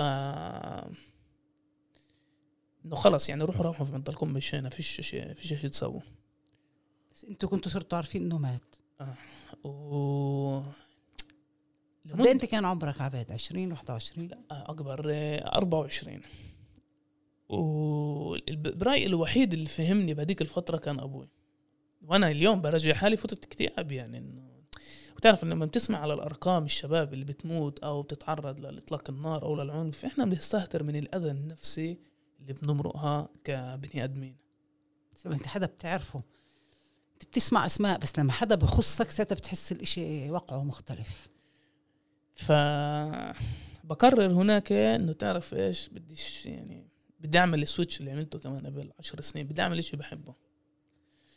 وبدون ما احكي بدون ما أحكي لحدا سوها بروح على شبكة أنكور إذا بتعرفيهم. هي بتقدر تعملي بقريات بعد ما بتخلصي صف مهم. 12 ولمدة سنة أصعب سنة بحياتي. من السبعة الصبح للساعة خمسة بالليل العصر المغرب إيه، بالجراج من الساعة ستة للساعة عشرة بالليل إيه، أتعلم البقريت أعمل البقريت. بالليل. دورات ليلية. لمدة سنة. وحداش كان عارف. محدش كان عارف. إيش خلصت. يفكروك وين بتروح للعشرة بالليل؟ إيه، يعني؟ أجي أتحمم أطلع ما حدش يسأل. يعني الشباب ما حدش بيسألهم. وبعد يعني سبعة ثمان أشهر في يعني كنت أسمع يعني أكثر من يعني في موسم الشتاء بعدين الصيف. إيه، باتجاه شهر سبعة ثمانية باخذ النتائج يعني باخذ بجيب العلامات اللي بدي إياها بروح بسجل للبي اي إيش تعلمت علوم سياسية وسوسيولوجيا. بجامعة تل أبيب. لا بال- بالكلية تل أبيب بيافا. و ما قلتش لولا حدا لعند أول يوم من السنة الدراسية. شو ما انصدموش أهلها؟ بس انصدموا. هذا عبيد اللي كان مشكلجي وبيشتغل بالكراج فجأة بده يروح على الجامعة وإيش بدك بالجامعة؟ وإيش هذا بالمرة علوم ما سياسية؟ توقعوش إنك تكمل لا آه. فكروها فني من فناتك جديده بالضبط ومش راح تكمل وخلاص ويما لا كمل بالجراج ويلا هي مهنة. آه. وتعرفي عن بس هو عن جد إيش يعني علوم سياسية؟ صح، يعني كيف تقدر تشتغلي فيها؟ بقول لها يعني خلاص أنا اليوم رايح. سوها أول شهر أو شهرين ولاد كيف ناس هيك عايشه محل حياتهم. طالب آه. يعني بس, أنت كملت تشتغل وتتعلم ولا بس كنت تشتغل؟ كنت موفر مصاري إنك تقدر تشتغل تتعلم؟ لا لما بلشت التعليم كنت أشتغل بالليل بالإرساليات باليوم بلشت التعليم وقفت بالجراج ولليوم ما رجعت اللوش. وأنت است... وأنت طالب؟ آه. كيف كنت توفق؟ بالليل الإرساليات بالليل. هل تشتغلي ثلاث أربع أيام بالأسبوع مع التبس؟ بتعملي كنت يعني يعني كان يكفي. وفترة البيئة هي أحلى فترة بحياتي. أربع سنين؟ ثلاث سنين. و يعني يعني يعني هذا هنا كنت أفاجئ باقي الطلاب إنه أنا كنت قاعد بالمحاضرة أستمتع. ما كتبتش ولا شيء خلال كل الثلاث سنين ما عدتش أنت. كمان نسبيا اجيت كبير 25 إحنا بشكل عام 25 بكون صار. بتخرج وعم بيعمل ماستر تعرف كيف إحنا عندنا العرب بس كله يهود مهم. كان في كمان طالب عربي وكانت آه، بنت عمي اللي قريبة علي أصغر مني بسنتين آه، الباقي كله يهود ونفس الأجيال كنا مهم. بس أنا كنت أستمتع بالمحاضرات وجزء من النظريات كنت اراها هيك لحالي إنه بحب بحب أقرأ و يعني بدون أدنى شك انبسطت انبسطت وكنت يعني كنت أقرأ كل المقالات مش عشان إنه بدي أنجح بال... بالامتحان. لأنه كنت كنت مهتم. لا عشان بدي أناقش المحاضر بدي أغلبه بالصف يعني هي هي هيك كنت كنت أحسبها. إيه، بعدين جيل 28 بقى بخلص ال BA بكمل ال MA إيش ال MA تبعك كان؟ ماجستير؟ آه اللي بعلوم سياسية. بايش تخصصت؟ إيش كانت رسالتك؟ إيه، بالفلسفة السياسية. ال- بالاخر سكرت الرسالة بدون إيه، سكرت الماجستير بدون رسالة بس كنت بلش أكتب وهذا مجال تخصصي social cultural segregation of the Palestinian community بيافا. إنه على الفصل الفلسطيني فصل الثقافي والاجتماع للفلسطينيين في مدينة يافا. بدي أرجع أنا لقصة مراد. ليه هالقد كانت نقطة تحول؟ الشاب من طخ أنت بتشتغل بكراج ما كانش لك علاقة بعالم الجريمة. ليه هذا دفعك إنك تترك كل مجال الكراجات وتروح على الأكاديمية. بفكر ال- فكرة الموت قديش شيء قريبة. نفس الإشي بموضوع تايلاند. بتصير تفهم؟ آه بتصير تفهم إنه بلحظة لحظات أنت هنا اللحظة الجاية أنت مش هناك. و- يعني أنت عمليا نقاط التحول اللي بحياتك اللي حكيت عنهم اليوم المفصليات لحظات تبعت الاقتراب من الموت أو مواجهة موت لحدا بخصك. صحيح اليوم لما براجع بدون أدنى شك. و صرت أقول يعني إذا بدي أعيش أنا اللي أعمل الشيء اللي بحبه. انت اللي كنت تحب الكراج لا؟ يعني يعني بهذيك الفترة بالعشرينات بلشت النشاط السياسي. كنت من مؤسسين حركة شباب اليافية فرقة الدبكة بيافا الفوتبول الشواطئ يعني عدة نشاطات لمدة آه، خمس ست سنين. ويعني صرت أقول يعني الكراج يعني, يعني مهنة منيح. شاطر بالإشي بس لا يعني بدي إشي أكتر. أنت كنت حاسس إنه الكراج محل صغير عليك صغير على قدراتك العقلية والذهنية؟ كمان وهو سواء شغل الجراج صعب. لما نشوب شوب ولما نسقع سقعة إيه وبقدروكيش كمان ماديا بقدروكيش على الشغل اللي بتعمليه. فيعني تراكم الأسباب وبس أهم إشي بتذكر هذا منيح إنه بجيل 24 25 كنت أسأل حالي إذا كمان وين بدي أكون كمان 10 سنين؟ و... كنت تشوف حالك بالكراج. نعم. وين كنت تشوف حالك عبد؟ كنت أشوف حالي بالعمل السياسي. كنت أتخيل حالي في العمل السياسي. في تخيل حالك عضو كنيسه إيش؟ لا ولا مرة عضو كن- ولا مرة عضو كنيسة إم، لا أكتر بال- على المستوى محلي على مستوى يافا وأكتر آه، راديكال من ال- من الكنيسة على صح الدنيا تغيرت آخر عشر سنين من ناحيتي. بس آه يعني لا يعني مش أكيد مش كعضو كنيسة. بس أنت كنت وما زلت عضو بلدية لا؟ صحيح. احكي لي عنها. هي وين انت فكرت إنك تنزل على البلدية وليه؟ بح- بحسها كانت يعني سيرورة اللي مرقتها إنه حركة شبيبة اليافية النشاط آه، في جسم بيافا اسمه الهيئة الإسلامية. هي مؤسسة اللي. اللي بتهتم بكل موضوع الأوقاف في مدينة مهم. يافا بس مؤسسة منتخبة بينتخبوها أهل يافا فانتخبوني لل... للهيئة. آه، أيامها كانوا 3000 واحد شارك بال... بالانتخابات. و دائما يعني عن جد سواء من جيل 20 لليوم. بتذكرش إنه كان عندي فترة اللي ما كنتش فيها يا ناشط يا في العمل السياسي يا كعضو مجلس بلدي. فكان كان شيء طبيعي إنه أكمل المجلس قد إيه صار. لك مجلس بلدي. خمس سنين. كيف التجربة هاي؟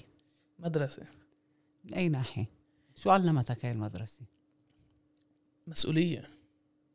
تفهم إنه أنت بتحكي على بني آدمين على حياة بني آدمين. تفهم إنه الحياة هيك يعني العمل السياسي هو عمل آه، سياسات يعني إنه دفش لسياسات. مش موضوع ميزانيات يعني تمام جبنا ميزانيات هنا وعملنا هنا بس آه، مطلوب منك تدفشي سياسات تغيير آه، نقاش تشتغلي مع الناس. واصعب شيء تسمعي قصص الناس. وهذا الناس بتوجهوا لك. يعني أنا أنا موقفي كان إنه سياسة باب مفتوح. يعني أي حدا عنده أي مشكلة بأي شيء بجرب أساعد. إيه بس هذا كل اليوم كل يوم كل يوم سهى كل يوم كل ساعة.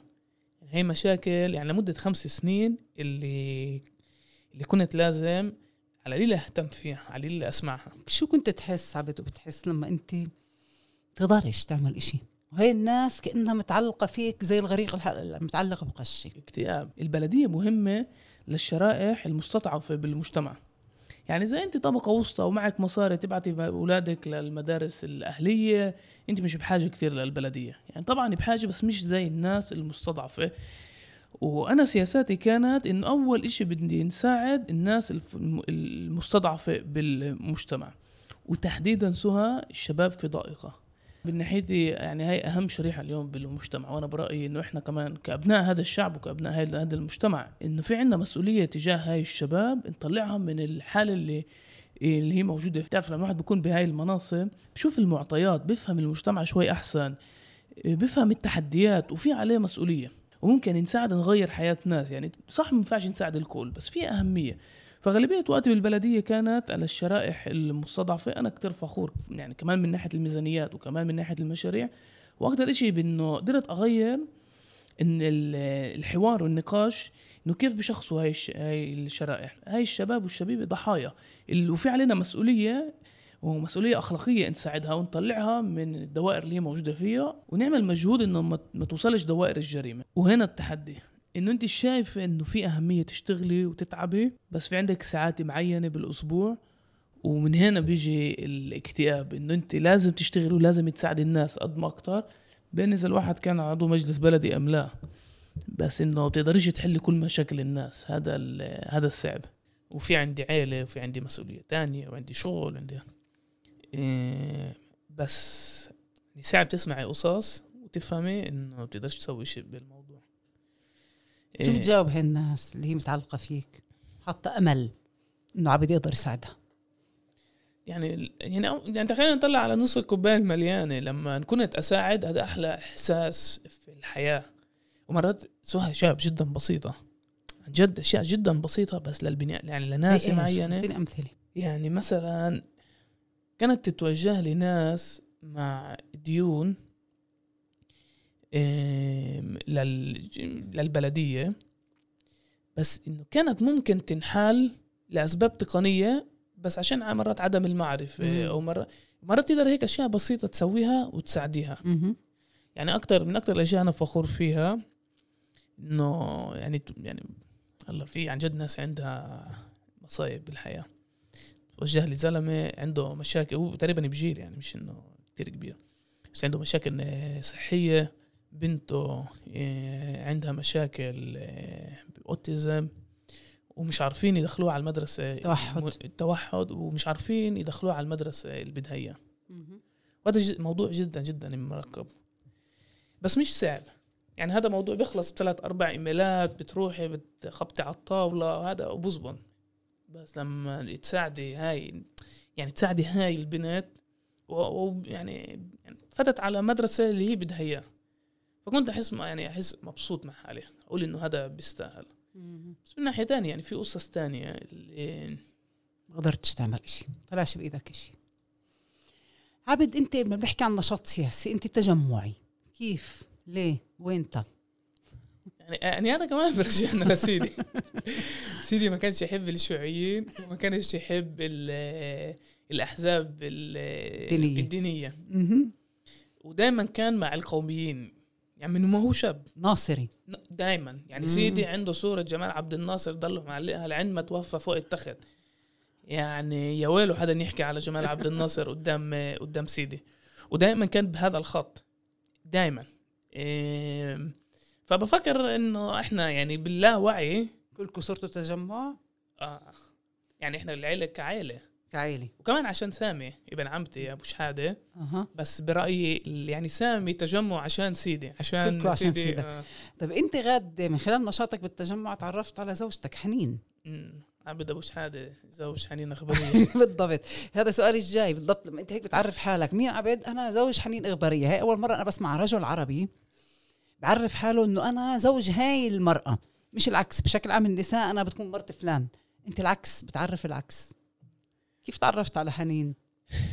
تعرف تعرف يعني شيء ما, ما, فهمتهاش. يعني ما بفهمش العقدة كمان موجودة عند الزلام إنه بخافوا من هذا الموضوع. آه إنه مرته جوز الست. آه.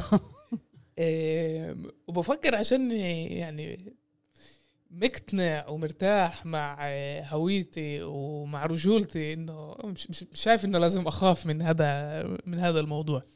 حنين من أحلى اشياء صارت بحياتي. صركوا فترة مع بعض. إحنا إلنا متجوزين وخطبين خمس سنين. أنا تعرفت عليكم بمظاهرة لا. يوم الأرض أو إشي. إحنا طلعنا بالسيارة لمسيرة العودة كنا بال 2019 إذا آه، أنا آه، مش تعرف- غلطان طلعنا بنفس بعض. السيارة مع بعض. صح. و يعني أنا بحس إنه يعني عن جد عن جد بحس إنه في حظ بالحياة إنه في شيء كيف يعني تعرفت على حنين؟ خلال التجمع؟ خلال النشاط بالتجمع ولا كيف؟ يعني عن طريق التجمع. عن طريق إيه، يعني مرة شفتني كنت بالتلفزيون طلعت أدافع على التجمع بالتلفزيون. وبلشنا نحكي بديك بديك الفترة. وأصحاب بنعرف الرفاق في الحزب يعني في دوائر. يعني دوائر التجمع يعني الشباب وصبايا من التجمع دوائر الجبهة وهيك. إيه، بعدين كان يعني كان عندي الجرأة انه تقدم بال 2018 2018 2017 ومن هناك- توجه لها. آه، تحكي آه، معها بشكل مباشر انه أنا معجب فيكي. بس أنتوا اثنين حنين كمان محامية بس هي ناشطة أكثر في مجال حقوق إنسان. فهذا هو. يعني بتعرف بالآخر يعني إحنا بنتقرب من الناس اللي بتشبهنا. يعني حنين بحد ذاتها يعني عندها تجربتها السياسية الغنية يعني إيه، كمان كقائده كمان ك في فكر. يعني دائما ك... يعني لليوم حنين بتمرق لي على البيانات. يعني بتقول لي عبد هذا منيح هذا مش منيح. وأحسن بيانات كتبتها وأحسن مقالات كتبتها هي الحنين اللي كانت بتمرق عليها. يعني عندها هيك نظرة. ثاقبه إيه، اللي أنا ما كانش عندي إياها. أنا كان هيك أكتر عفوي. هي ضلت تقول لي عبد أنت مش ناشط. خلص مرقت هاي المرحله أنت عضو مجلس بلدي. عندك دور. أنت. يعني حتى على مستوى البودكاست بتقول أنت بتحكي ك يعني عندك بودكاست 100 حلقة هيك. وأنا كل وقت اتواضع هي تقول لي لا عبد أنت العمل السياسي هيك لازم تسوي هيك. فدائما لما أرد على حنين أنجح. على فكرة يعني حنين اللي شجعتني أحكي مع عرب 48 مم. في عندها الجرأة هي؟ ما إيه، كانتش موجودة عندك. كمان جرأة وكمان لا عندك قراءة قراءة الواقع السياسي اللي, اللي أنا ما كانش موجود عندي بس هي عندها اياه عندها اياه بشكل جدا جدا ذكي. مهم. و زبطت عم بقول أنا ربحت باللوتو وكيف السكنة بيافا؟ أنتوا اثنيناتكم انت بجيل صغير حتى اشتريت بيت وسكنت بيافا وحنين انتقلت من أم الفحم ليافا معك كيف العيش بيافا اليوم مع بنت؟ أنا بالنسبة لي يافا ده أحلى محل بالعالم بغض النظر إيش الظروف السياسية والاجتماعية وبغض النظر إيش التحديات وأنا فاهم وين مجتمعنا اليوم ووجود الفلسطينيين بيافا إلها قيمة إضافية. يعني إحنا بنغير الواقع بوجودنا هناك. فأنا باعتقادي إنه إحنا محظوظين. أنا شخصيا كثير محظوظ إنه أنا عايش في مدينة يافا إنه ولدت بمدينة يافا لعائلات يا- يافية. بحكيش من محل إنه بدي أستعلل. بقول لا بالعكس من محل المسؤولية. إنه في علينا إحنا مسؤولية إنه نتعب ونشتغل و... ونرجع الوكالة ونفرض واقع جديد. أنت ابن يافا أنت ابن الشارع. بس اليوم الواقع تبعنا كثير اختلف كل الداخل اختلف مش بس يافا ما بعرف إيش انت مش حاسس إنه إحنا مجتمعاتنا تمزقت بطلنا نفس المجتمع حتى في القرى العربية. كل التكافل الاجتماعي العلاقات الاجتماعية الجريمة عندنا تغلغلت. كان في جريمة كل المجتمعات فيها جريمة فيها مخدرات وفيها اسمهم بس اليوم صارت أكثر كبروفيشن مش تعاطي. صارت كمهنة. يعني بدي أفاجئك بجوابي مم. وبدي أشاركك ب بتحليل سوسيولوجي لظاهرة كنت أشوفها رهيبة مهم. خلال ال BA زي ما ذكرت لك كنت أشتغل بالإرساليات الأكل كنت انتبه كل محلات الأكل لما كانوا يجوا ناس اللي بتتعاطى مخدرات كانوا يعطوهم أكل ببلاش ما يقبلوش يعطوهم مصاري عشان ما يروحوا يشتروا, سموم. بس كانوا يعطوهم أكل مم. كنت أسأل ليش؟ واللي بيتعاطى المخدرات كان يجي يفوت وكنا نحكي معاه ونقعد عادي, عادي و... مش نخاف منه أو ننبذه كيف إحنا اليوم صحيح. وأنا أنا عندي تحليلي إنه إحنا يعني المجتمع الفلسطيني في يافا يعني مرقنا تجارب كتير صعبة على مدار من الخمسينات والستينات السبعينات اللي بنقدر نفهم يعني كل عائله كان فيها حدا اللي كان يتعاطى مخدرات. ففي هيك أنسنت ال- مهم. الشخص. و بتذكر إنه يعني قديش كنا نهتم فيهم. أنا برأيي الدنيا تغيرت مش مع هاي الشريحة. أنا برأيي تغيرت مع الناس اللي صارت طبقه وسطى. إحنا عندنا طبقة وسطى اليوم. أنا برأيي إنه في شريحة صغيرة تحولت وناز أو نازله تتحول لطبقة وسطى وكيف ببين الإشي؟ تشوفوا وين بيبعتوا أولادهم. على المدارس الأهلية بحالتنا كمان على المدارس اليهودية. كل واحد بدوروا هيك يبعدوا شوية عن المجتمع العربي يروحوا على بلدان تانية. وفي زي هيك يعني زي استياء من ال- من المجتمع. بس أنا إذا براجع مجتمعنا كيف كان بالثمانينات ولا التسعينات يعني تحديدا يافا. يعني بتشوفش هل أنت ما حسيتش إنه في كثير تغيير؟ يعني لا, لا. أنا بقدر أقول باشياء معينة تحسنا يعني أنا من معليا وأنا مش ساكنة بمعليا بزور. بس أنا حاسة بتغيير وما بحكي مع أهل معليا بحكم بلا. في كثير تغيير كبير بالبنية الاجتماعية بالعلاقات الإنسانية الاجتماعية بين البشر. أنا متأكد إنه في تغيير بس برأيي التغيير هو الطبقة الوسطى مش الطبقات المسحوقة.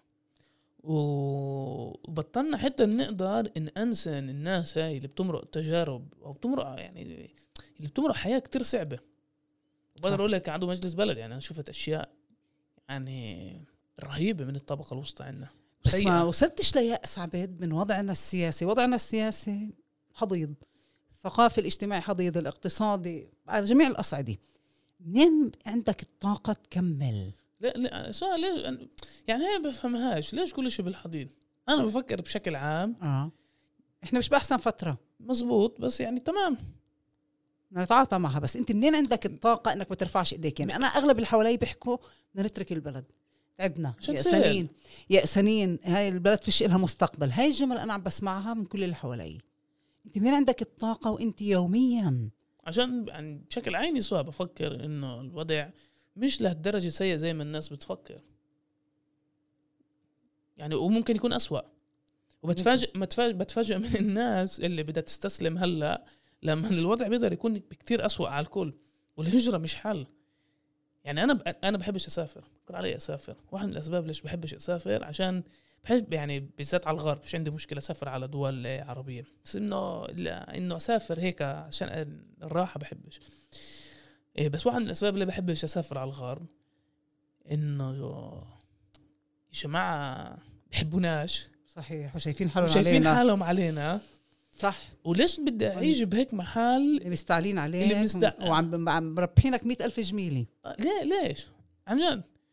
إيه، من ناحية ثانية إنه بفكر إنه في عندنا مسؤولية تاريخية الناس اللي بتقدر في عليها مسؤولية. والهجره الهجرة هي على فكرة للطبقه الوسطى هي اللي معاه مصاري. مش صح. كل واحد بيقدر يهاجر. صح. فأنا لا أنا بفكر إنه لازم نضل. الوضع مش يعني إيش مستق... أنت كيف شايف المستقبل هون؟ بالفترة القريبة ولا الفترة اللي بعيده القريبة وبعدين البعيدة. أنا لا ممكن بالفترة القريبة راح يكون كتير صعب. أسوأ من إيش إحنا موجودين. بكتير أسوأ. كيف لازم نتعامل؟ كيف لازم نجهز حالنا للفترة السوداء هاي؟ طلع سواء أنا بفلسفتي السياسية بآمن إنه في علينا مسؤولية وفي وكالة. شو المقصود بالوكالة عبيد؟ يعني إحنا بنقدر نغير نقدر نتنظم نقدر نفرض واقع تاني. مهم. السؤال إذا بدنا. وسواء فيش عندنا الامتياز ما نتعبش. بعرف هذا الحكي صعب للناس آه، تسمعه. بس في علينا مسؤولية تاريخية. و- وبالذات لو الطبقة الوسطى بالذات لكل الناس بدها تعمل relocation وبدها تنقل وتو في عليها مسؤولية تاريخية تضل برغم كل التحديات وبرغم الصعوبات وبرغم وين مجتمعنا اليوم وبرغم السياسات ضدنا برغم كل هاي الأمور. منفعش منفعش نسيب. مجبورين نشتغل ونتعب ونفهم نستوعب وين إحنا موجودين. وإيش لازم نسوي للمدى البعيد وب- وبتضايق من الياس. يعني سيدي بالأربعينات والخمسينات آه كأنه كان يعني هو بيطلع له ييأس يعني بعد النكبة. بس ما يئسش صح. تمام؟ وعلى مدار السنين يقدر يخلف وصار عنده أحفاد وبنى عيلة و... بس مين قال إحنا عندنا هاي الفرصة؟ يعني اي يعني يعني ليش؟ وغير هيك يعني شوفي المستوى الحياة لغالبية الناس حتى اللي بتشكي عايشة فيه. يعني شوف الأواعي شوف الرحل شوف صح. السيارات شوف صح صح. وإحنا صغار ما كانش هذا مستوى الحياة موجود. لا. صح. كان يكون عندنا ثلاث بناطلين بوت رياضة واحد. مش هيك؟ تعرف يسوع يعني أنا اللي بخوفني على بنتي إنه أو بحياتها إنه كيف كل شيء رح يكون لها أسهل من اللي إحنا مرقناه. بس اللي إحنا مرقناه مثلا يعني أنا لما انت تتع... وطلع منك إيش؟ انت اليوم اللي بالضبط. انت مرقته بالضبط. خلاك تكون من أنت اليوم. التحديات اللي مرقناها بهاي الأجيال طورتنا للبني آدمين اللي إحنا اليوم. ولما هدول هذا الجيل بمرقش بس رح نلقى أشياء. ثانية عبد ال social media وكل هاي هاي كمان تجارب. يعني مختلفة عن تجاربنا وإحنا يمكن مستهانين فيها. بس هذا واقعهم. هاي التجارب اللي هن راح يمرقوها مزبوط. بس إحنا كمان ما يعني كان في أشياء اللي جت على حياتنا وغيرت شوي قوانين اللعبة.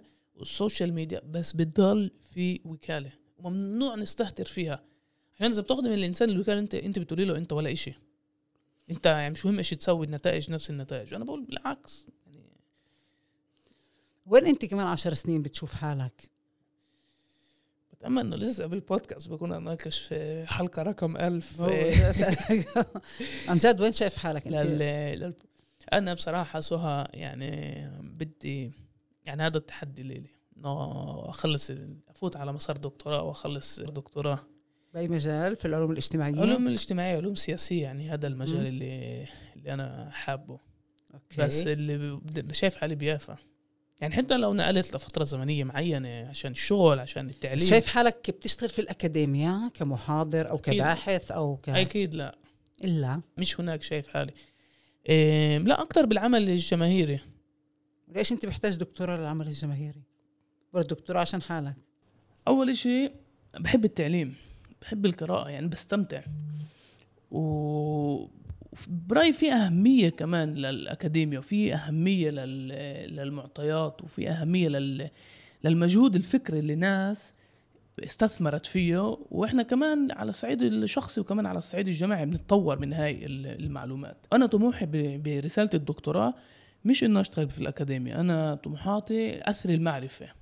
وبحب المعرفة بحب أتعلم وبحب إنه نشوف الحياة مش بشكل سطحي لا نشوف قديش الحياة ممكن تكون غنية قديش الحياة ممكن تكون مركبة ونسأل حالنا كل الوقت أسئلة إنه كيف ممكن نتحسن ونعرف.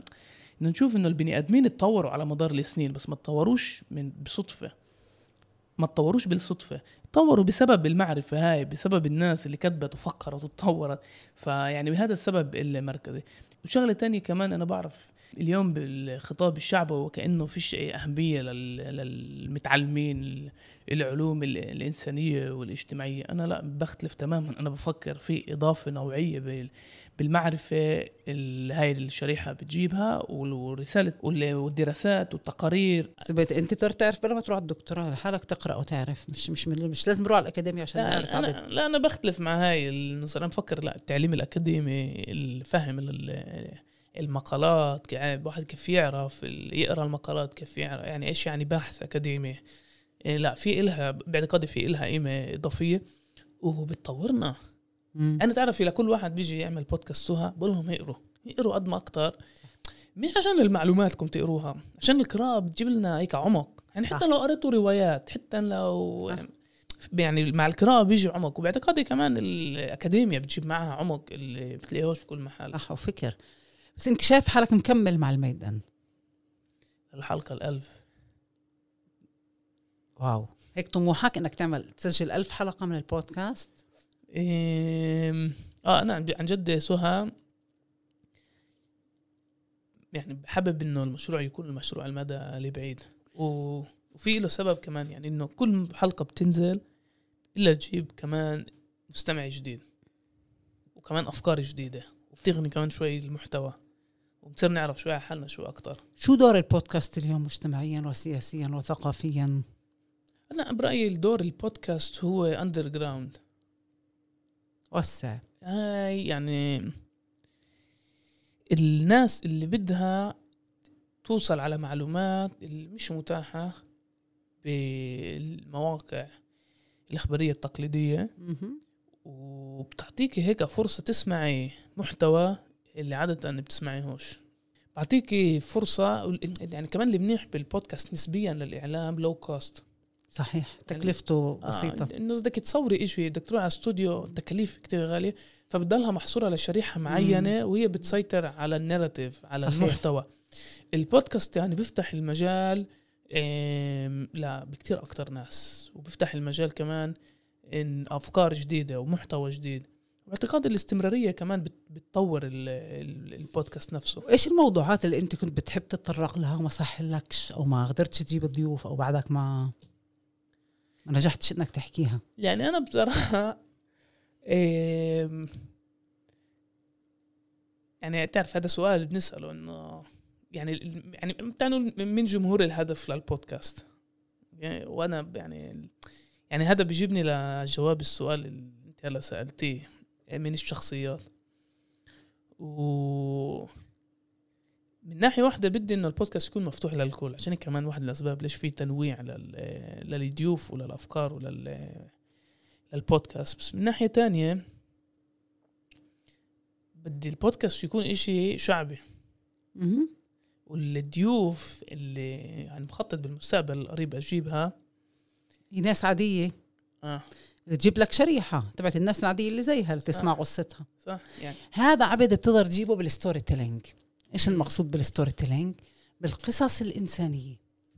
امم صحيح. مش القصص الثقافية والسياسية؟ لما تجيب قصة شخصية لحدا. صحيح. لو كمان مرات سهى من الناس اللي بتتوقعيش يطلع من يعني بخطرش على بالنا إنه هاي الناس ممكن تحكي لنا قصة إيه رهيبة. عبد كل واحد عنده قصة. صح؟ فيش إنسان عايش على وجه الكرة الأرضية من فوق الجيل ثلاث سنين أربع سنين إلا ما عنده قصة. صحيح. السؤال كيف بدك تساعده إنه يحكيها؟ دورك كمحاور إنك تساعد الضيف إنه يحكي قصته. لا لا يعني بدون بدون أدنى شك. وبرأيي إنه في حوالينا ناس مع قصص رهيبة. وتعرف هاي فرصة أقول للمستمعين إذا بخطر ببالكم مع ناس اللي عندهم قصة. أنا مستعد أجيكم لبيتكم إنه نسجل. الحلقة كمان. بالضبط. وهون أهمية البودكاست في قدرته كمان كمان الإتاحة هاي من ناحية وقت. لما أنت بتنطي إنسان ضيف ساعة كاملة إنه يحكي فيها ويعبر فيها وبتسأله وبتحاوره وبعبر عن رأيه وبيقدر يحكي قصته الإنسانية هذا ولا platform تاني بعطيك إياه. فيش هالإتاحة. صحيح. وبيطلعنا من ال comfort zone. يعني إحنا كبني بخطرش ببالنا إنه قصتنا قد مهمة. واحد. اثنين إيه خلال الحديث وخلال الأسئلة وإذا المحاورة شاطرة زي سهى عراف بتخلينا نطلع إيه أفكار وبطلع تجارب اللي عادة ما كناش إيه بدي أسألك طلع أنت منتبه للهبة الرائعة بالعالم العربي للبودكاست بالذات الخليج العربي؟ مم. في قفزة نوعية كثير كبيرة في البودكاست. كيف بتفسرها بالذات في الخليج؟ بالخليج تحديدا عشان يعني شوف الشبكات الإعلامية الكبيرة وين موجودة؟ بلبنان مصر. سوريا دبي. دبي. بس آه، يعني مثلا فيش عندك يعني ودبي جديد نسبيا. وبس جديد نازل يفوت على الخليج. وبدك تاخذ بعين الاعتبار يعني إنه على مدار السنين دول الخليج بعتت آلاف الطلاب على أمريكا. يدرسوا. يدرسوا. عارف الجامعات الأمريكانية.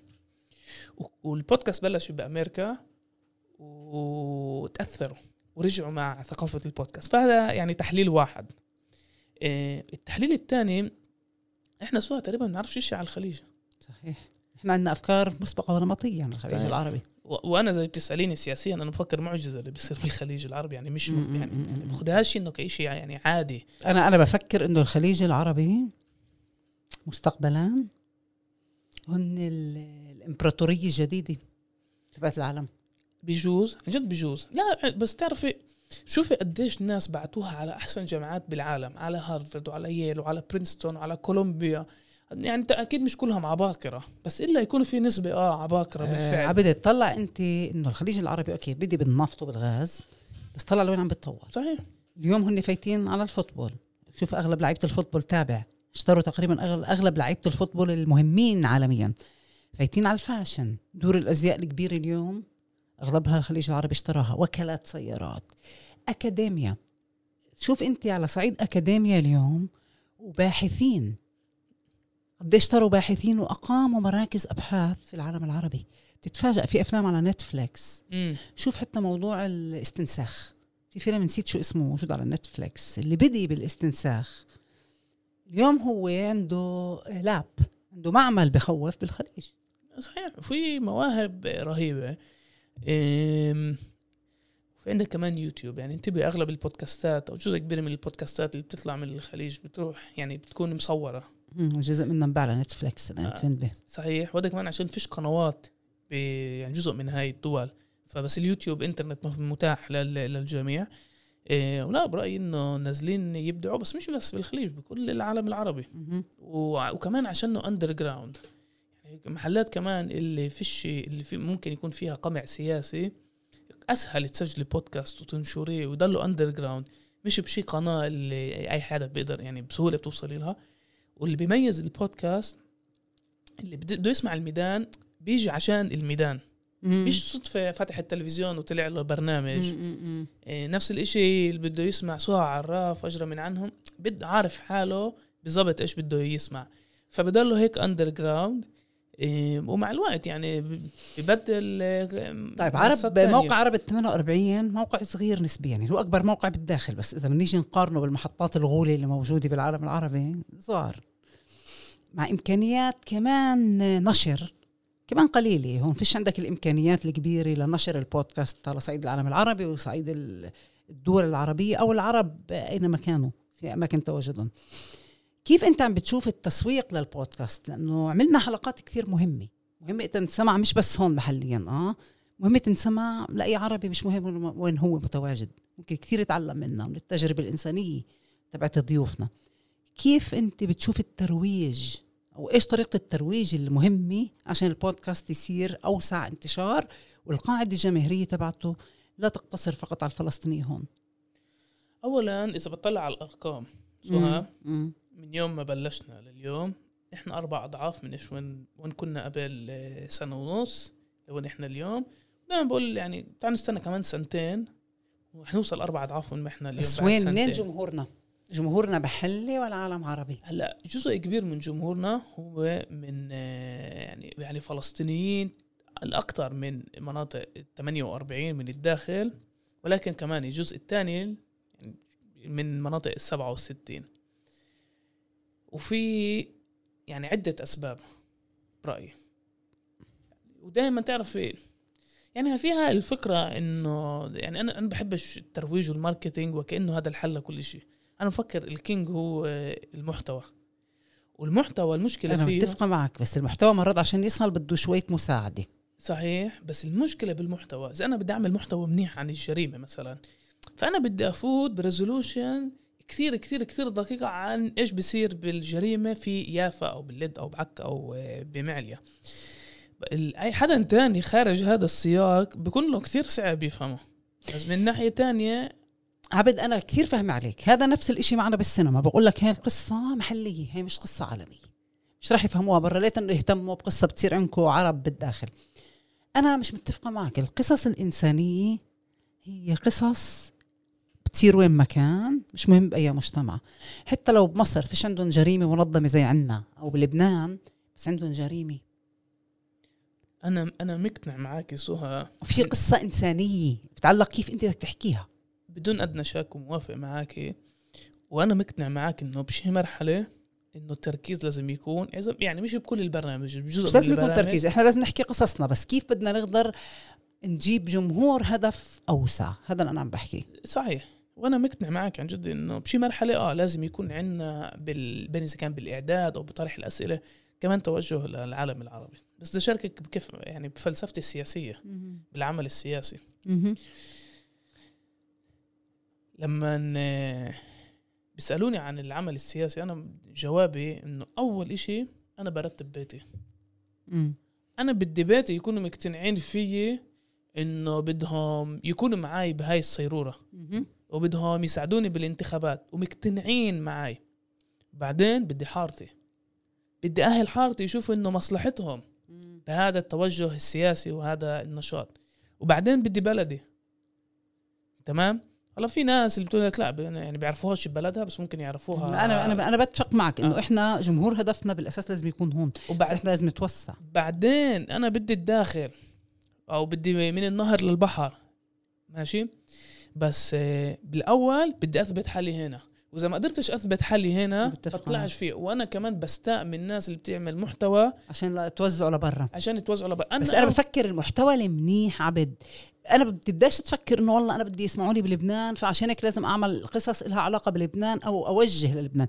بدك تعمل قصة جيدة وتعرف كيف تنشرها لتكبر القاعدة تبعتك. أنا هذا اللي أنا عم بحكي إحنا بالبرنامج للسنة القريبة يعني عن جد بآخر جلسة آه، يعني للمشروع يعني كانت هاي النقطة. ورايحين لهذا الاتجاه.